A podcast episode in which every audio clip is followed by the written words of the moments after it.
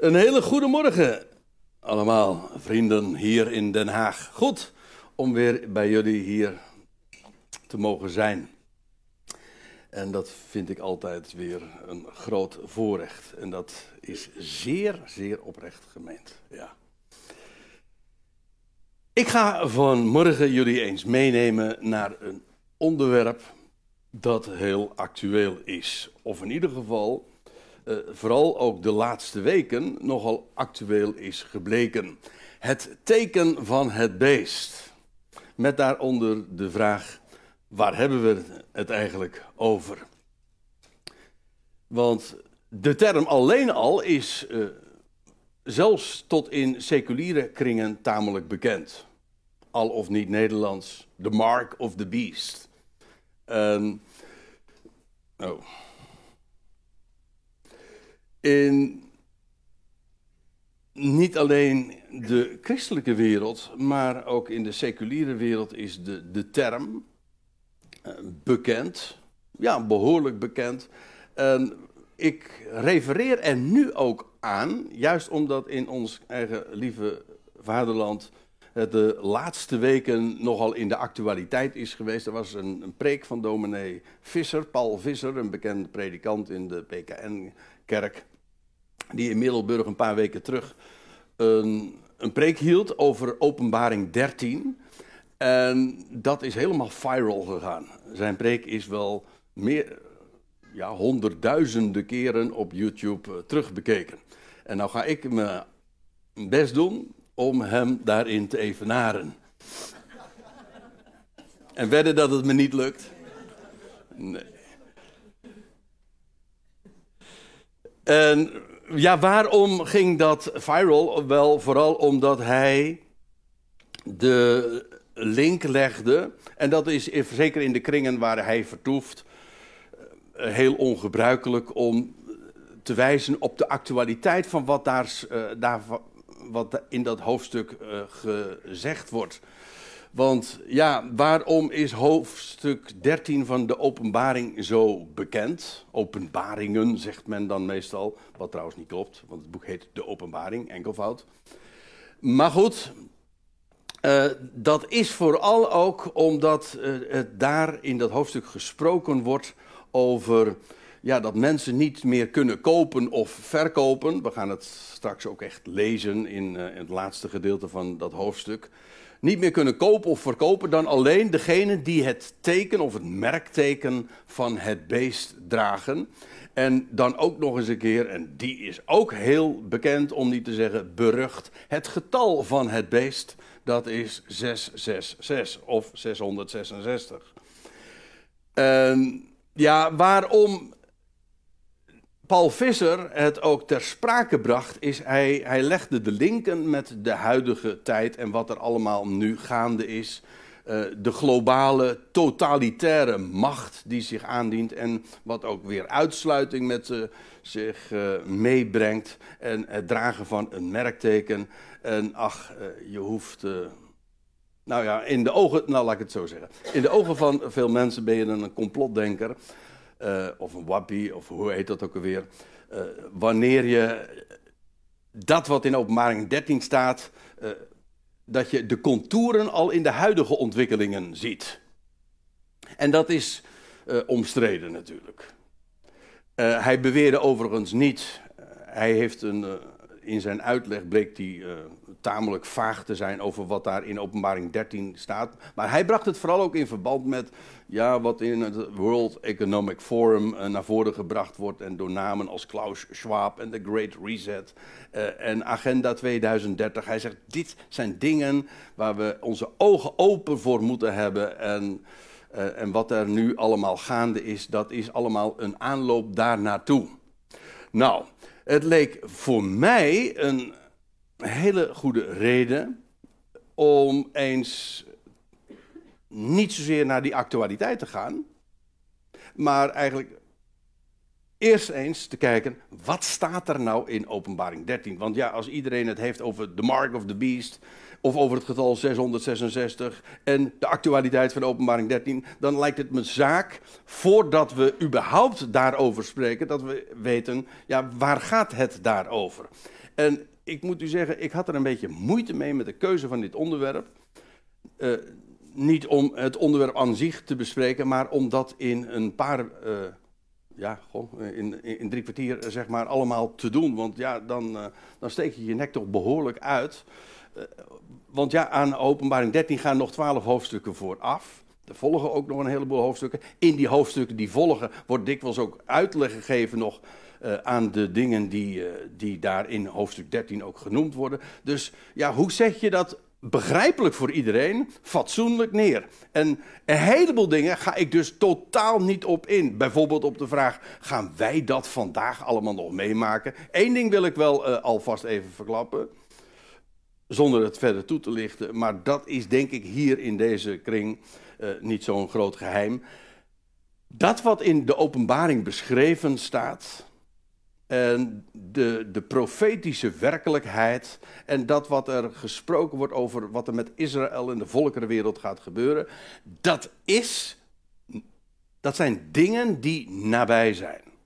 We leven aan het einde van een periode, die einde, het einde van de aion, zoals de Bijbel dat noemt, uh, dat, dat nadert. Er zijn niet alleen de, de, de fenomenen die we in de wereld zien, wijzen daarop. De, het herstel van al die volkeren, van die hele volkerenwereld in de afgelopen eeuw. Al die, die pionnetjes die op de kaart gezet zijn. Uh, wat er in de, laatste eeuw is gebeurd, dat is zo bijzonder. En al die volkeren die in het Oude Testament zo'n grote rol spelen, die zijn allemaal weer terug van weg geweest. Met, met natuurlijk uh, als klapstuk in 1948 de Joodse staat, maar ook weer met die aloude vijand van weleer, namelijk de Filistijnen die wij dan de Palestijnen noemen, maar dat is hetzelfde woord. Uh, ik bedoel dit.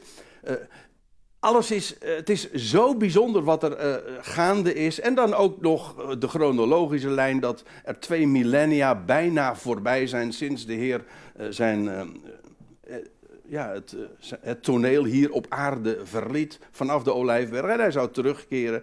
Ja, en daar zou een, een tijdspanne tussen zitten. En dat heeft alles te maken met die 2000 jaar ja, die wij nu hebben uh, meegemaakt. Hè? En we, staan aan het einde daarvan. Kortom, ik ga er eigenlijk gemakshalve van uit dat dat, wel, dat, dat nabij is. en hoe nabij, daar hebben we het even niet over. Het is, het is de, de, tijd nadert. Laten we het zo voorzichtig stellen. Goed. Voordat ik wat ga vertellen over dat tweede gedeelte van Openbaring 13, want daar gaat het vooral over dat merkteken van het beest, moet ik dan toch in ieder geval wat zeggen over het begin. Want het gaat in hoofdstuk eh, 13, in het tweede gedeelte, over het, over het beest uit de aarde of uit het land. En er is namelijk ook nog een ander beest, en dat is het beest uit de zee. En dan gaat het over de Volkerenzee. De, de, de zeeën, de, de wateren, dat zijn vele natieën. Zo wordt dat trouwens in het boek Openbaring ook zelf uitgelegd in hoofdstuk 17.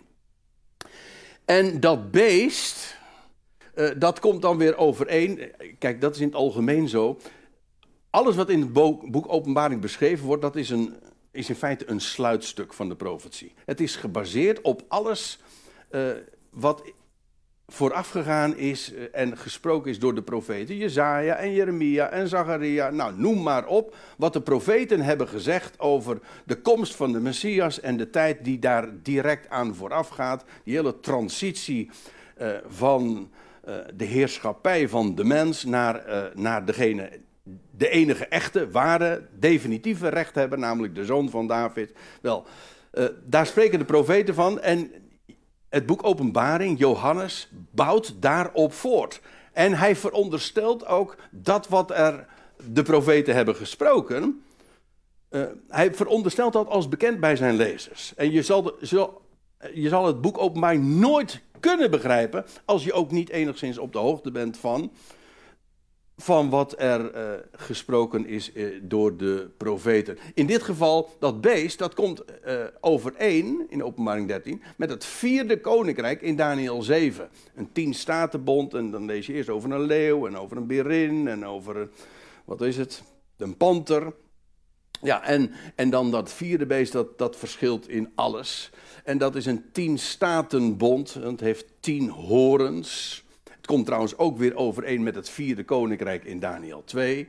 Met de, waarbij ook sprake is van opeenvolgende koninkrijken. En dat laatste koninkrijk heeft dan weer tien tenen. Ja, tien koningen, want daar gaat het over. Het wordt trouwens geregeerd vanuit Babylon. In het boek Openbaring speelt dat een hele grote rol. En ik weet dat wordt meestal uh, verklaard als zijnde Rome of Jeruzalem. Maar uh, ik denk dat er een veel voor de hand liggendere verklaring is, namelijk dat het zou gaan over, ik denk persoonlijk, Babylon. Dus uh, ja, maar goed, dat is nu ook, ook even niet het onderwerp. Maar in ieder geval, we praten over een tien-statenbond in het Midden-Oosten. Geregeerd vanuit Babylon. Het heeft tien horens, zoals gezegd. En dat wordt uitgelegd. Die tien horens, dat zijn tien koningen. Dat stond trouwens ook al in Daniel, dus dat is niet zo moeilijk. Uh, het heeft ook, het is echt een draak hoor, een draconische verschijning. Want het heeft namelijk zeven koppen. Het is echt ook beestachtig in zijn optreden, vandaar ook dat het vergeleken wordt met een beest. Het heeft zeven koppen, en dat wil zeggen het zijn zeven kopstukken die leiding geven aan het geheel. Dus het Rijk zelf, het is een confederatie van tien koningen. Ja, maar dat wordt geleid door kopstukken. En waarvan uh, je dan leest dat er, dat staat in hoofdstuk 17. Ik, zeg, ik, heb expres eventjes de, de, de bonnetjes erbij gelegd, in, uh, erbij vermeld onderaan de sheet. Uh, dan kun je dat ook zien in openbaring 17, vers 9 tot 11 wordt gezegd van ja, hoe dat zit met die zeven kopstukken. En vijf ervan vallen. En dan nummer zes, die wordt dodelijk getroffen. Dus je krijgt dus een, een confederatie daarin in het Midden-Oosten. En dat is dus het sluitstuk van, van deze aion, van dit wereldtijdperk. En, en, en de, de zesde leider, die wordt dodelijk getroffen. Kort vervangen dan vervolgens door nummer 7. Maar wat gebeurt er? Hij herstelt zich. Of hij wordt weer levend. Want dat is echt het verhaal en dat is heel uh, bijzonder. Want uh, als hij dan herleeft, dan gaat uh, de wereld met verbazing hem achterna. Dus je hebt dat zesde kopstuk. Hij wordt dodelijk getroffen. Een dodelijke aanslag wordt op hem gepleegd. Maar, en dus hij wordt vervangen door een volgende kopstuk. Maar wat gebeurt er? Hij herleeft. En, en dat is een, een, een zo'n enorm uh, wonder wat daar dan plaatsvindt. En de hele wereld gaat met verbazing hem dan ook uh, achterna. En dan, uh, dan lees je dat hij, dat staat allemaal in dat openbaring 13. en 42 maanden lang, dat is 3,5 jaar, 1260 dagen, die termijnen worden zo in, en in dit boek, maar ook elders genoemd tijd, tijden, twee tijden en een halve tijd, dus weer drieënhalve tijd. Drieënhalf jaar lang zal hij godslasterlijk optreden en verdrukt hij ook de heiligen, het heilige volk in het land.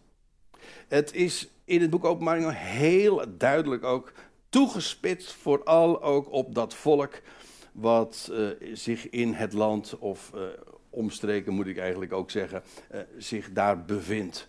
En, een, een grote verdrukking. Vandaar ook dat dat zo uh, genoemd wordt.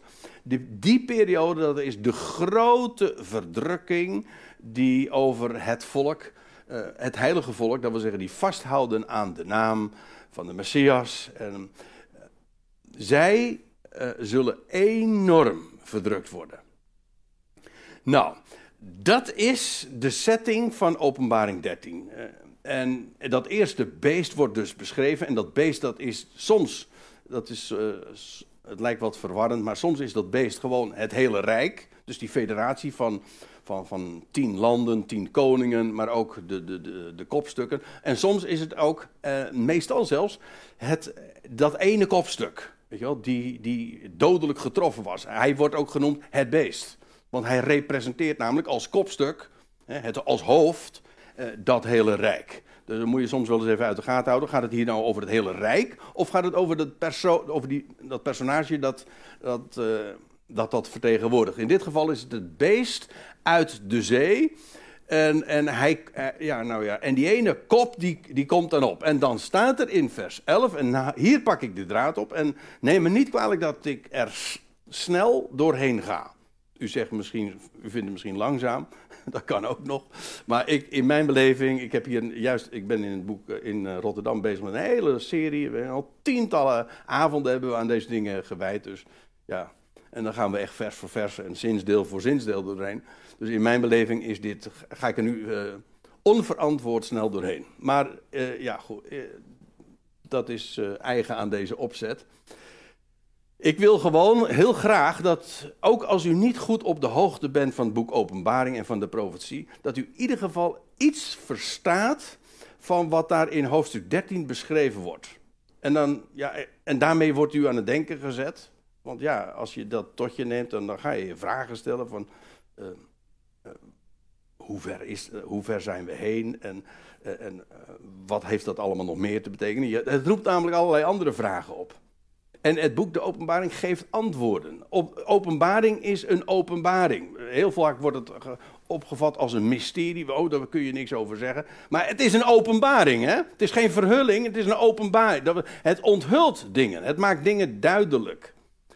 Ervan uitgaande dat je gelooft wat er staat geschreven. En er ook van uitgaande dat je dat wat eraan vooraf gegaan is, want het is een sluitstuk, dat je dat ook verkent. Dat je daarvan op de hoogte bent. Want hier worden de dingen verklaard. En dan staat er eh, in vers 11 van Openbaring 13. En ik, dat is Johannes, nam een ander beest waar. Van, uh, vanuit het land kwam het op, vanuit de aarde. Aarde en land is hetzelfde begrip. In het Hebreeuws is dat uh, het geval, in het Grieks is dat ook zo. Het ging eerst over dat beest uit de zee, en dat is de volkerenwereld, dus de wateren, de, de, volkenzee, zoals wij dat ook wel zo benoemen. En dit is een beest dat komt niet uit de zee, maar uit het land, en dan gaat het specifiek over Israël. En het kwam op en het had twee horens, gelijk een lammetje, en het sprak als een draak. Het lijkt op het lammetje, en dat is natuurlijk veelzeggend in het boek Openbaring, want dat, het lammetje dat is typisch de, dat, dat begrip dat in het boek Openbaring iedere keer los uh, of uh, genoemd wordt. Een lammetje dat staat als geslacht. Die blijkt de leeuw van Juda te zijn, maar hij is. Uh,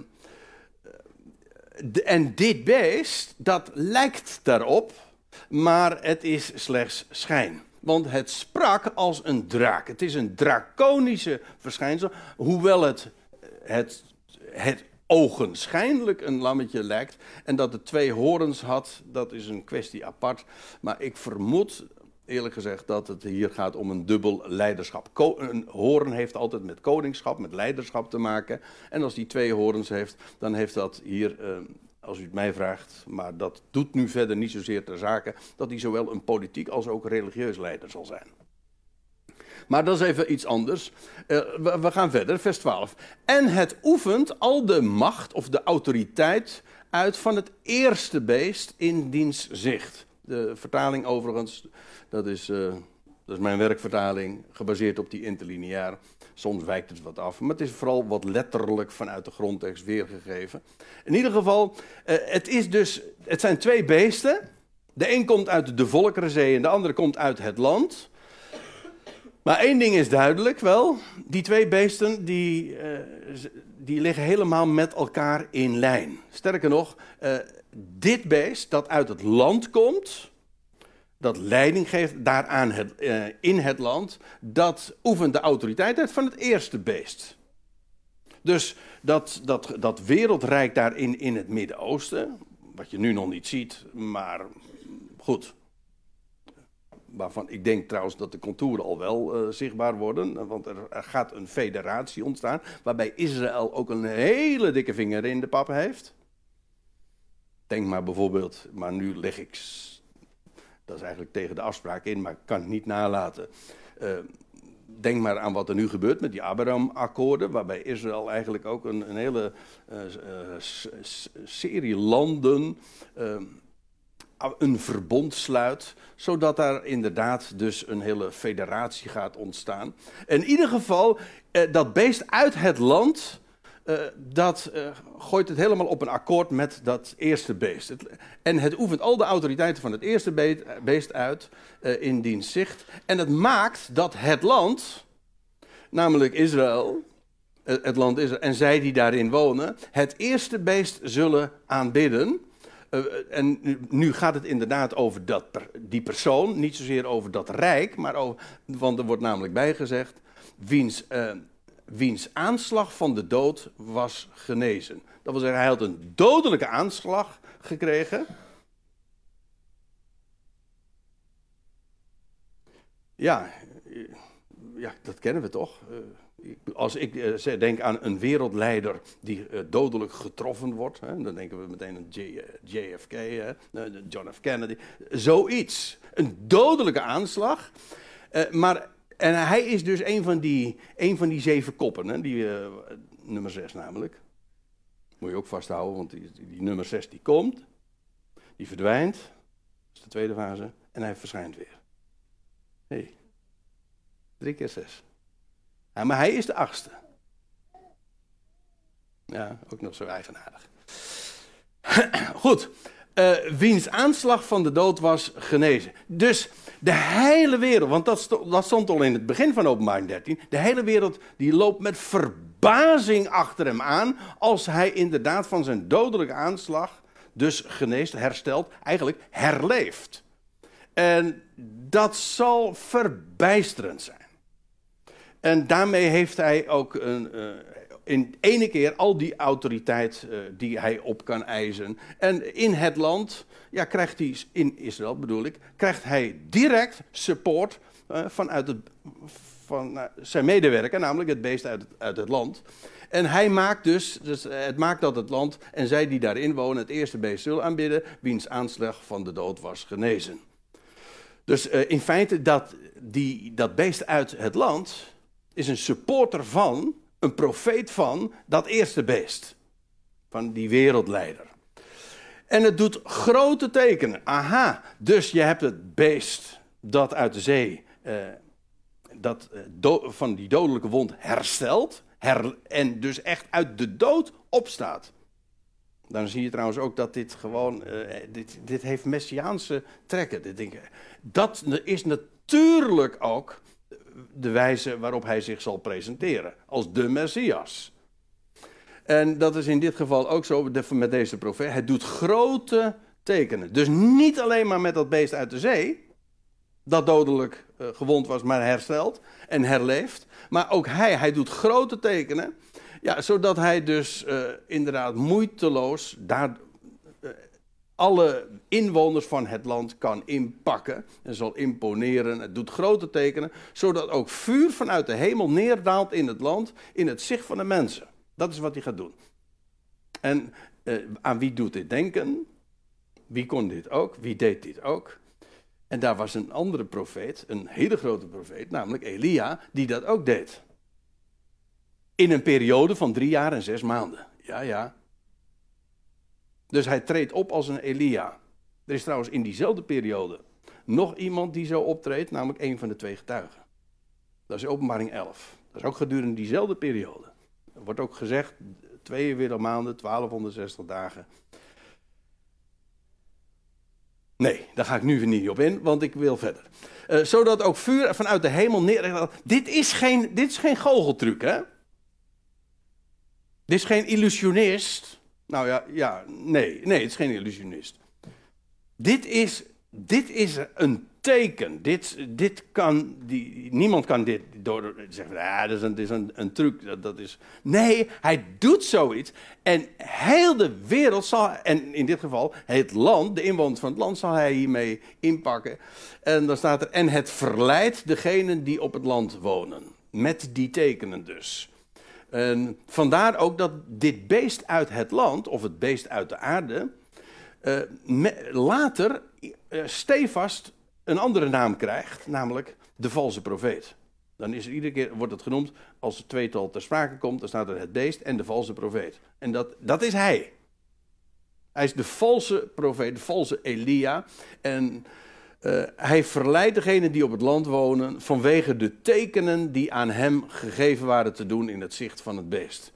Dus uh, dat dit tweetal is zo bijzonder. Komt ook direct uit de onderwereld. Dat kan niet anders. Ik geloof trouwens letterlijk ook van, die, uh, van dat eerste beest dat, dat dood is. En dan herleeft hij. Ja, daar komt weer geest in hem. Ja, maar wat voor geest? Dat is gewoon, een geest. dat lees je trouwens ook. Een geest uit de afgrond. Maak ze, hij is gewoon dus bezeten. Het is gewoon een bezeten, een bezeten iemand. Nou, gewoon. Zo gewoon vind ik het niet. Maar het is een bezeten iemand. En hij herleeft. Dit is echt. Wat uh, er nog in die eindtijd gaat gebeuren. Want daar hebben we het nu over. Over die periode. Dit is echt. Zoals de Engelsen zeggen. Mindblowing. En hier ook. Hij doet geweldige tekenen. Dus uh, krachten, tekenen en wonderen, dat is typerend voor de tijd van het einde. Dat staat in dat op heel wat plaatsen wordt dat zo gezegd. In, Paulus zegt het in de Thessalonische brief, in Matthäus wordt het genoemd. Dat is heel karakteristiek. En dezelfde, het, eh, de, de, de krachten, tekenen en wonderen waarvan je leest in het begin van, nou, in de Nieuw-testamentische tijd, in de dagen van de Heer Jezus, maar ook van de apostelen, lees je ook krachten, tekenen en wonderen. Dat wordt ook weer genoemd in verband met het einde, de tijd van het einde. Met dat verschil, toen kwam het uit van Gods, was het allemaal van Gods wegen. En in de eindtijd is het regelrecht uit de afgrond en draconisch, satanisch, demonisch, of hoe je het ook maar zeggen wil. En er staat er ook nog bij, en uh, het, het verleidt dus. Het zet mensen op het verkeerde been. Ja, maar met wel heel indrukwekkende bewijzen. Maar niettemin, het verleidt. En het zegt tot degenen die op het land wonen dat zij een beeld maken voor het beest. Ja, en dat is een heel bekend ding. Dat wil zeggen, als je de profetieën kent. Want daar spreekt Daniel over. Over de gruwel van de verwoesting. Er wordt een gruwel, in de Bijbel gewoon een term die staat voor een afgodsbeeld. En er zal namelijk in de tempel, ja, dat is ook nog iets. Uh, de Bijbel veronderstelt dat er weer in Jeruzalem een tempel gaat komen. Alles ligt al klaar, dus dat is, eh, het is eigenlijk wachten op het politieke groene zijn. En dan staat die tempel daar in no time en kan daar de Joodse eredienst weer hervat worden. Gaat er komen, maar uh, het zal ook weer gestaakt worden. Die offerdienst zal gestaakt worden. En dat is ook in feite, dat luidt de grote verdrukking in. Want in plaats van de eredienst en de offers die daar gebracht zullen worden, zal daar een gruwel, een afgodsbeeld. En dat is waar het hier ook over gaat, worden geplaatst. De gruwel van de verwoesting. En de heer Jezus zegt in Matthäus 24 ook, als hij uitzicht heeft op Jeruzalem en hij spreekt op de Olijfberg. En dan zegt hij ook van, uh, als jullie dan de gruwel van de verwoesting zien staan, waarvan de profeet Daniel gesproken heeft, wie het leest geven er acht op. Nou, dan moet je maken dat je wegkomt, want eh, ja, dat is dan ook nog een punt. Eh, dat is het laatste moment dat men nog uit het land kan vluchten en richting de woestijn. En degenen die daar uh, naar de woestijn gevlucht zijn, ja, die hebben een veilig onderkomen, een onderduikadres en ze worden daar 1260 dagen bewaard. Dat is trouwens openbaring 12, openbaring 12, ja. En degenen die niet op tijden gevlucht zijn, ja, die zullen dus in het land de, die enorme druk gaan ondervinden. Hoe dan ook, uh, het zegt tot degenen die op het land wonen, dus dat beest uit het land, die, dat zij een beeld maken voor het beest. Het beest uit de zee. Hè? Dat de aanslag van het zwaard had en leeft. Hè? Of uh, dat levend is geworden, zegt de, eh, of het levend werd, zegt de Staatvertaling, MBG ook. Kortom, het is dus inderdaad niet alleen maar een, een bijna dodelijke aanslag. Die, die man is gedood dus. En herleeft. En uh, ja, zoals gezegd, is, hij is bezeten. En, en nu moet er daar in dat land een beeld gemaakt worden. Dus je moet je voorstellen, daar in Jeruzalem, daar op dat tempelplein, wordt de eredienst die, die daar zal zijn, wordt gestaakt. En in plaats daarvan wordt er een, een, ja, een beeld neergezet, een gruwel. Ja, die een enorme verwoesting met zich mee gaat brengen. Vandaar ook de gruwel van de verwoesting. En hem, dat beest uit het land dus, de valse profeet, werd gegeven een geest te geven aan het beeld van het beest. Dit, is, dit zijn gekke dingen. Johannes tekent dit op en ja, wat moet je je daarbij voorstellen? Is dat een. Men dacht aan een robot. Eh, het eerste waar ik persoonlijk aan denk uh, is. Uh, meer een, een, is dat een hologram? Heeft Johannes dat gezien? Ik bedoel, er wordt, u kent dat fenomeen, hè? Van een hologram. Dat je, juist gisteren heb ik nog eventjes, ik, ik, wilde even mijn geheugen verfrissen. Heb ik dat nog eens eventjes nagekeken hoe dat nou eigenlijk werkt met een hologram. Maar dan kun je, ik, zag, ik, zag, bijvoorbeeld nog videobeelden van dat Michael Jackson een, een optreden gaf ver na zijn overlijden. Dat kan, want ja, met zo'n hologram, dus, dan zie je iemand dus in levende lijf verschijnen, terwijl het gewoon een, ja, je ziet alleen zijn beeld, het lijkt dus echt. Maar zo iemand kan dus ook spreken, eh, nou ja, het, het, is net, echt, het leeft. In feite, ja, wij kennen dat ook al. Als je naar uh, een tv-beeld kijkt, dan zie je ook iemand spreken dat is inmiddels voor ons natuurlijk gesneden koek en uh, volstrekt normaal en gewoon geworden. Maar moet je je voorstellen dat Johannes, Johannes heeft een tijdreis gemaakt. Hè? Johannes is verplaatst, zo lees je in hoofdstuk 1, hij is in de geest naar de dag des Heren verplaatst. Dus hij heeft gezien en waargenomen, geobserveerd en heeft allerlei dingen gezien. En heeft dat opgetekend in de taal die voor hem ter beschikking. Hij kon niet spreken over een hologram of over een tv of uh, dat soort dingen. Nee, maar hij heeft gewoon beschreven wat hij zag. En hij ziet een beeld daar, dat leeft en dat, ja, dat ook nog spreekt. Er staat er zodat het beeld van het beest uh, zou spreken. In feite, ja, hoe, je dit ook in, hoe dit ook uh, straks zich manifest zal worden. Want het kan ook zijn dat er straks nog, dat er nog andere dingen, andere dingen, nieuwe technieken of nieuwe fenomenen die we nu nog niet kennen, maar dan we inmiddels wel er zullen bestaan, dat dat op die wijze invulling gaat krijgen. Dus je moet je daar niet op vastprikken. Ik wil alleen maar uh, proberen duidelijk te maken uh, hoe je je zoiets misschien zou kunnen voorstellen. Eén ding is zeker, hem werd gegeven een geest te geven aan het beeld van het beest, zodat het beeld van het beest zou spreken. Dat is wat er staat. Hoe dat dan verder ook straks vorm zal krijgen. Maar dit is wel uh, iets heel bijzonders en, en, wonderbaarlijk. En het zou maken dat allen die het beeld van het beest niet aanbidden, gedood zouden worden. Oei. Dit is vandaar ook het begin van, de, van, de, van een enorme grote verdrukking. Want dan op het tempelplein komt er een beeld en iedereen wordt verplicht dat te aanbidden en dat goddelijke eer te bewijzen.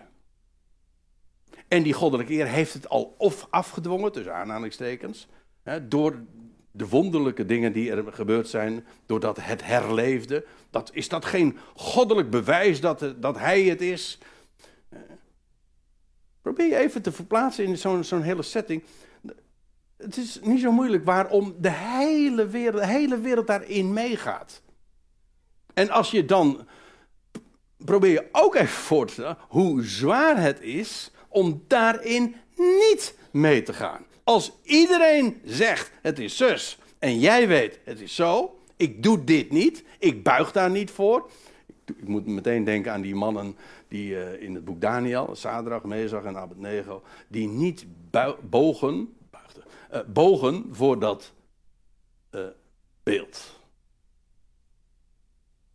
Dat trouwens ook alles met het getal 6 had te maken. Maar goed. Zij bogen, en zij bogen er niet voor. En toen kwamen ze inderdaad in een hele hete oven, oven terecht. Ze werden goddelijk bewaard, dat weer wel. In ieder geval, het zou maken dat allen die het beeld van het beest niet aanbidden, gedood zouden worden. En het maakt dat allen, de, en dat wordt dan even duidelijk gemaakt, dat het echt om allen gaat. De groten en de kleinen, ik denk dan inderdaad vooral aan volwassenen, maar ook kinderen. De rijken en de armen, de vrijen en de slaven. Een merkteken zou worden gegeven.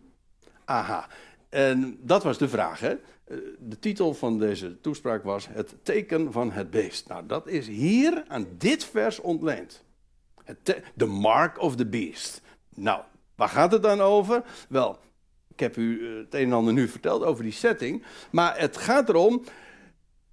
In het land zal er dus een cultus worden afgedwongen. Men zal moeten buigen voor dat beest. Of voor het beeld van het beest. Dat daar op het tempelplein op de heilige plaats zal staan. En, ehm, en iedereen. Iedereen. Die, ehm, die wordt een. Uh, zou een ehm, een merkteken worden gegeven. En eh, het woordje, hier staat een Grieks woord, uiteraard, want het is in het Grieks genoteerd, dat uh, eigenlijk afgeleid is van het werkwoord kerven. Het is een kerfeffect, en dus een inkerving. En dat, ja, dat kan een brandmerk zijn, een tatoeage, al of niet zichtbaar. Overigens, zulke technieken die worden momenteel ook echt die, ja, die zijn volop in ontwikkeling. Ook voor een, een, digitale ID die je gaat krijgen. Dat ook een soort van. Uh, dat je niet meer met een, met, met een paspoort of met een kaart of zo. Nee, dat het allemaal digitaal gewoon. Dat iedereen dat bij zich heeft. Ik zal u dit vertellen. Als je de verhalen daarover leest. Over hoe dat wat momenteel technologisch allemaal ontwikkeld wordt. En binnen afzienbare tijd gaat dat ook uitgerold worden. Als je het leest, zeg van hoe gemakkelijk zijn de mensen daarin mee te nemen? Want hoe verrekte makkelijk is het niet dat je niet meer, geen wachtwoorden meer hebt, maar dat je je ID altijd beschikbaar hebt. En dat al de informatie die je nodig hebt en die je wil geven, want ja, het, is, en, want het wordt ook nog uh, ja, uitgelegd dan als heel vrijwillig, want jij, jij geeft de informatie die jij wil aan wie, ja, bijvoorbeeld je komt dan bij de dokter, in, je bent, ik noem maar wat, je bent in Spanje en je bent, uh, je bent tegen een boom aangereden, je komt daar in het ziekenhuis en je moet dan je, oké, dit is nu even op Europees niveau dan, maar goed, uh, je moet dan even je identificeren, je medische gegevens geven. Uh, ja, hoe, hoe, doe je dat nou? Als je dan gewoon je, je je, idee bij, je ID bij je hebt en je, je zo kunt geven, je kunt identificeren en je geeft de ander dan toegang tot jouw medische gegevens, dan zeg je, dat is toch geweldig man. Ik vind het niet moeilijk om dat te verdedigen hoor. En je bent echt een dwarsligger als je zegt van ja, sorry, maar ik doe hier niet aan mee. Nou ja. Uh, nu even, we gaan nou weer even terug naar het land. Het, het gaat om een merkteken. Het wordt, hen wordt een merkteken gegeven op hun rechterhand of op hun voorhoofd. Of uh, eigenlijk, ja, dat is gewoon deze strook. Uh, dat, dat waar, het kan eventueel zelfs de ogen zijn. Ik heb wel eens gedacht, zou het misschien ook de iris zijn? Zo'n iris-scan of een teken, gewoon een, een tatoeage of zo. Hoe dan ook, een, merk, een merkteken. U weet het, u, u, merkt natuurlijk nu, terwijl ik hier spreek en ik mezelf had voorgenomen, André gaat nou niet invullen, je vertel gewoon wat er staat. Maar ik, ja, ik ontkom er soms eigenlijk niet aan om, om wat linken te leggen uh, met, met de actualiteit en zoals we dingen herkennen. Uh, in ieder geval, hen zal een merkteken worden gegeven op hun rechterhand of op hun voorhoofd. En zodat niemand zou kunnen kopen of verkopen tenzij hij het merkteken heeft. Aha, dus dit is hoe die macht, die autoriteit van dat beest in het land uh, gaat werken. Het wordt echt afgedwongen. Er, wordt dus, er ontstaat een cultus. Daaraan is niet te ontkomen. Je krijgt een merkteken. Als je daar dus in meegaat, je, je, krijgt, je kiest niet voor het merk. Je krijgt het merkteken op het moment, namelijk dat je buigt voor dat beest, voor, of voor dat beeld van het beest. En, en iedereen die het niet krijgt, Ja, nou, die kan niet kopen of verkopen. Die, kan, die is in feite compleet uh, buitengesloten van het hele systeem van de economie. Probeer je ook voor te stellen hoe zwaar dat is. Waarom dat ook een grote verdrukking heet. Dus je komt compleet buiten de maatschappij te staan. Als je dat merkteken niet draagt. Ja, zodat niemand zou kunnen kopen of verkopen tenzij hij het merkteken heeft. En eh, dat merkteken dat is de naam van het beest of het getal van zijn naam. Dus ja, het, het, het, het representeert dat merkteken, eh, dat beest. Eh, dan wel het getal van zijn naam. En dan hebben we het over. Dat is trouwens iets wat is zeker voor een Hebreeër een heel bekend verhaal. Namelijk de getalswaarden van woorden en van namen. dan spreekt men over de gematria. Of, nou ja, ik weet, ik, over die uitspraak eh, ben ik niet helemaal zeker. Maar in ieder geval, elke, u moet zich realiseren, elke letter heeft een getalswaarde. De A is de 1, de, de, de alef en de bet is de 2 en de gimel is de 3 en de dalet is de 4 nou, enzovoort. En, dan, en de, voor een jud, eh, de jud, dus de tiende letter, is een 10. Ja, ja. Je hebt ook nog een heetje trouwens, een he, dat is de 5. Dat is de vijfde letter. Oké. maar goed, elke letter, eh, dat betekent dus dat een woord ook een getalswaarde is. Dus dat is een beetje vergelijkbaar met onze Latijn, Latijns letterschrift. Dat zijn letters, maar een letter is ook een cijfer. En dat is in het Hebreeuws ook het geval. Zodat als je een naam schrijft, ja, dat is vertegenwoordigd een getal. Bijvoorbeeld de naam van God, Yahweh, Yud, He, Waf, He. Dat zijn vier letters. Maar als je dat optelt, is dat getalswaarde 26. De naam van God staat voor 26. Wat het wonder van dat woord, van die naam is, daar gaan we het nu hebben. Het gaat nu namelijk over de naam van het beest. En het getal van zijn naam. De getalswaarde. Die... Dus het is straks volstrekt evident voor de getrouwen, voor degenen die, die bij het woord leven en die volstrekt buitengesloten worden. Maar het is volstrekt helder uh, dat, het, uh, dat dit het voorzegde beest is. Niet voorspelde, maar het voorzegde. U weet het, hè? De Bijbel voorspelt niet, dat doen waarzeggers. De Bijbel voorzegt, zo zal het gaan gebeuren. En als straks dat beest daar is, dat beest in het land, ja, dat is volstrekt helder, want uh, zijn gematria, dat zijn, de getalswaarde van zijn naam is 666. Tel de letters bij elkaar op en je krijgt het getal 666. Ja, hoe? Want ja, dat, is, dat, kan, dat betekent nou, weet je, je zou zeggen, oh, nou, maar dan weten we nu al wat de naam van het beest is. Nee, dat weet niet, weet je niet. Want het kan allerlei cijfer, uh, lettercombinaties zijn. Maar één ding weet ik wel, de getalswaarde van zijn naam zal 666 zijn. Dus ja, dat uh, is uh, straks, als dit eenmaal zich aandient, volstrekt helder en te verifiëren. Hier is de wijsheid, laat wie het verstand heeft het getal van het beest berekenen. Dat wil niet zeggen dat je super intelligent hoeft te zijn, maar het is wijs. Nee, het is helemaal geen, dit is, dit is geen uh, hogere wiskunde hoor, dit is heel simpel.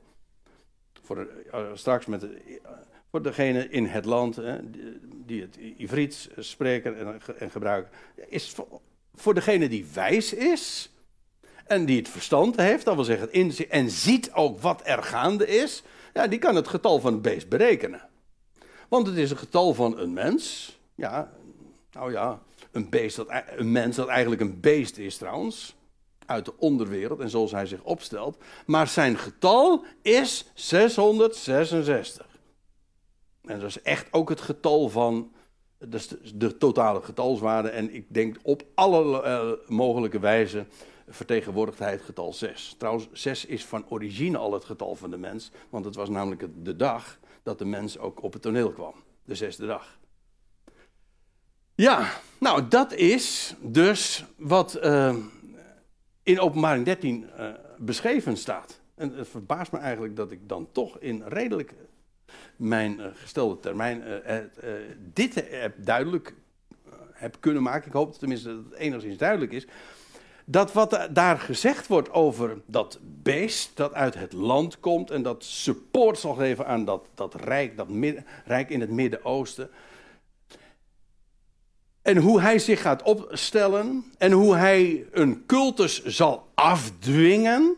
En hoe zwaar de verdrukking gaat worden. Hoe hij een beeld zal gaan opzetten daar op het tempelplein. Heel concreet. Dit, ik bedoel, dit zijn dingen. Uh, Oké, we leven in de aanloop. Ik ben het, ik durf rustig in dat opzicht ben ik het van harte met dominee Paul Visser eens. Uh, natuurlijk, dit gaat komen en we, zijn, we leven in de aanloop. Dat, geen, geen, geen spoor van twijfel hoeft daarover te bestaan. Zonder nou te zeggen van, oh, maar dat wat, die heb je ook. Hè? Die zeggen van, nou, dat wat in openbaring 13 uh, staat beschreven, dat wordt nu uh, zichtbaar. Nou, dat is sorry dat ik het zeg, leuterkoek. Ik lees openbaring 13 en de hele context van dat beeld van dat beest en in het land en het, de heilige plaats. En dat is nu nog niet. Dat je zegt van ja, maar ik zie al wel signalen en contouren zichtbaar worden. Ja, dat is duidelijk. Maar dat is het nog niet. Dus ook dat, daarom vind ik het van belang dat we weten waar we het over hebben. Als iedereen het heeft over de Mark of the Beast en je leest krantenartikelen en, en die wappies en die openbaring 13. voordat, je, voordat je daar überhaupt iets over kan zeggen, lees nou gewoon eerst eens wat er staat. En wat je mag gaan verwachten. En of we dat. Uh, of wij dat ook gaan meemaken, of wij daarbij zullen zijn.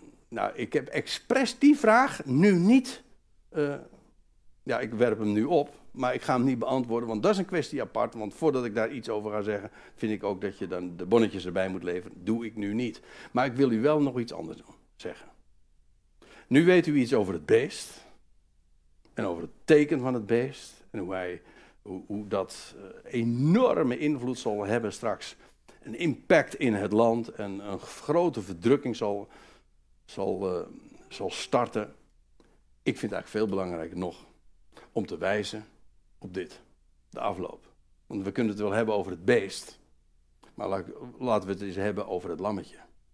Want uiteindelijk, het beest en de valse profeet, of het, beest uit de zee en het beest uit het land, die komen uiteindelijk uh, aan hun einde in het meer van het vuur.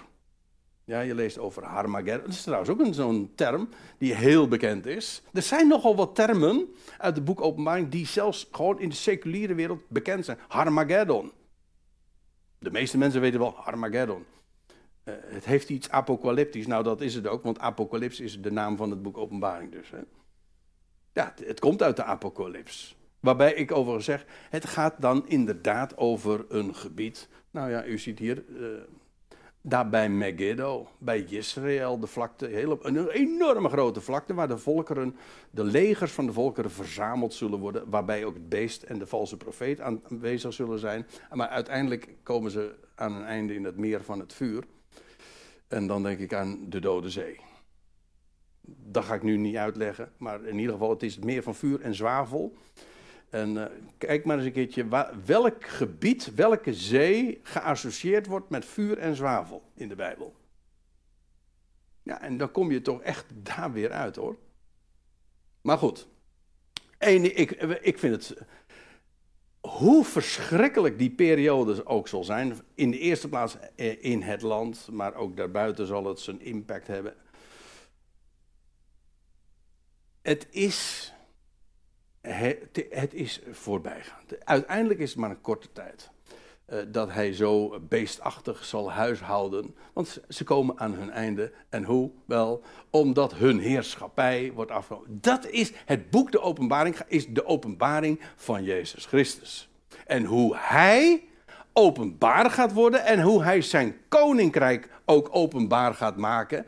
En hij zal verschijnen in Jeruzalem, of bij Jeruzalem, aan het einde van die, van die grote verdrukking zal hij verschijnen op de olijfberg. Ja, en dan is hij het lammetje.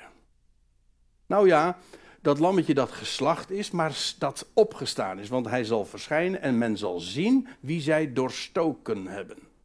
Dat wil zeggen, eh, ze zien niet zijn wonden, want zijn wonden. Het zijn zijn tekenen. Het markeert ook eh, wie hij is. En hij zal verschijnen op de Olijfberg, die bij die gelegenheid trouwens midden door gaat splijten. Dus er ontstaat een vluchtweg. Maar hoe dan ook, dat lammetje verschijnt. En wat er gaat gebeuren, dat gaat niet allemaal op een late namiddag plaatsvinden. Maar eh, vanuit de woestijn zal hij vervolgens eh, optrekken naar het land en bezit gaan nemen van Jeruzalem. En nou gaat, nou komt het. In Jeruzalem, dat is de stad van de grote koning, zal hij de heerschappij op zich nemen. En eerst in het land zijn koninkrijk vestigen. En zijn volk verzamelen van alle, uithoeken van de aarde. En daar gaat het koninkrijk gevestigd worden. En ook uitgebreid worden over heel de volkerwereld. En dat is in de periode die nog na de grote verdrukking zal zijn. En terwijl ik dit zeg, denk ik van. Ik weet nu, zeker degenen die hier niet zoveel uh, mee bekend zijn. Dat is even, nou, nou roep je een heleboel vragen bij mij op. Maar de Bijbel spreekt daarover dat er nog een enorme, in korte tijd, dat er afschuwelijke gerichten ook over de wereld zullen komen. Maar verkijk je daar niet op. Het, het dient allemaal om de wereld, zeg maar, voor te bereiden en schoon te maken, zodat aan deze boze aion radicaal een einde gemaakt wordt. En dat gaat alle, van, vanaf zijn troon, we zingen, dat wordt in een lied gezongen, en het is zo waar. Uh, vanaf zijn troon vestigt de zoon zijn heerschappij. Vanuit Jeruzalem gaat hij zijn heerschappij uitbreiden over de hele volkerwereld. En dat lammetje, ja, dat is de, dat is de leeuw van Juda. Dat is de, de rechthebber. Ah, dat is de zoon van David, de Ben David. En hij zal heer eh, zitten, zijn zetel nemen in Jeruzalem. En vanuit Jeruzalem zal niet alleen Israël, maar heel de volkerenwereld gaan delen in, in dat koninkrijk. En aan zijn koninkrijk komt geen einde. En dat wil ik toch heel graag gezegd hebben, zo. Eh, als we het, vooral dan ons gefocust hebben op dat beest, vergis je niet, hij moet het afleggen. En, en de toekomst is aan het lammetje en aan de leeuw van Juda. Amen. Geweldig. Zullen we met elkaar nog deze samenkomst afsluiten met dankgebed? Machtig God en Vader, we willen u heel hartelijk dank zeggen. Dat we een kompas mogen hebben. En wat voor een. Een betrouwbaar leidraad, een licht op ons pad, een lamp voor onze voet maar ook dat we mogen staan op de rots, de rots der eeuwen dat nooit wankelt of bezwijkt. Uw woord. En wat is het geweldig dat we niet in het duister tasten en ons hoeven af te vragen van hoe het allemaal zal gaan, want u hebt het uwe ooit al gesproken en ook laten optekenen. En we danken u dat dat vast en solide is. En wat er in de wereld ook gaande is, en er is veel gaande, maar het wordt nog veel gekker. We danken u dat we hier blind op kunnen afgaan. En dat we mogen luisteren naar wat, er, wat u gesproken hebt en lezen wat er staat geschreven. En dat we het onderzoeken en dat we schrift met schrift vergelijken. En dat we ons niet gek laten maken door de hypes van deze wereld. Of door onze agenda laten bepalen door wat men zegt. Maar u hebt gesproken. En Heer, we danken u dat we over de duisternis van deze aion heen mogen kijken. Een duisternis die inderdaad alleen maar gaat toenemen. Maar dat we zien mogen op dat licht aan het einde van de tunnel. Inderdaad. En dat de overwinning gegeven is aan dat lammetje. Dat opgewekt is uit de doden. En die de leeuw van Juda is en zal blijken te zijn. We danken u dat wij hem nu al mogen kennen. We danken u dat we alle geestelijke zegen in hem mogen bezitten. En dat u ons bewaakt en bewaart. En dat we veilig zijn in uw handen. En we danken u dat we met, met deze zekerheid en met deze belofte op zak ons leven mogen leven. Een licht mogen zijn in een donkere wereld. Wegwijzers mogen zijn ook naar die toekomst van u. En dat we zo ook een getuige mogen zijn van uw naam. En dat we ons niet bang hoeven te laten maken, maar in tegendeel dat we dapper, sterk, wakker, maar ook vol goede moed en optimistisch heen mogen kijken, mogen kijken, zien op die stralende, grootse, onovertroffen toekomst die u voor ons en uiteindelijk heel de schepping in petto hebt. We prijzen onszelf gelukkig. We danken u dat u ons dat geeft en garandeert. In de naam van uw Zoon, Christus Jezus, onze Heer. Amen.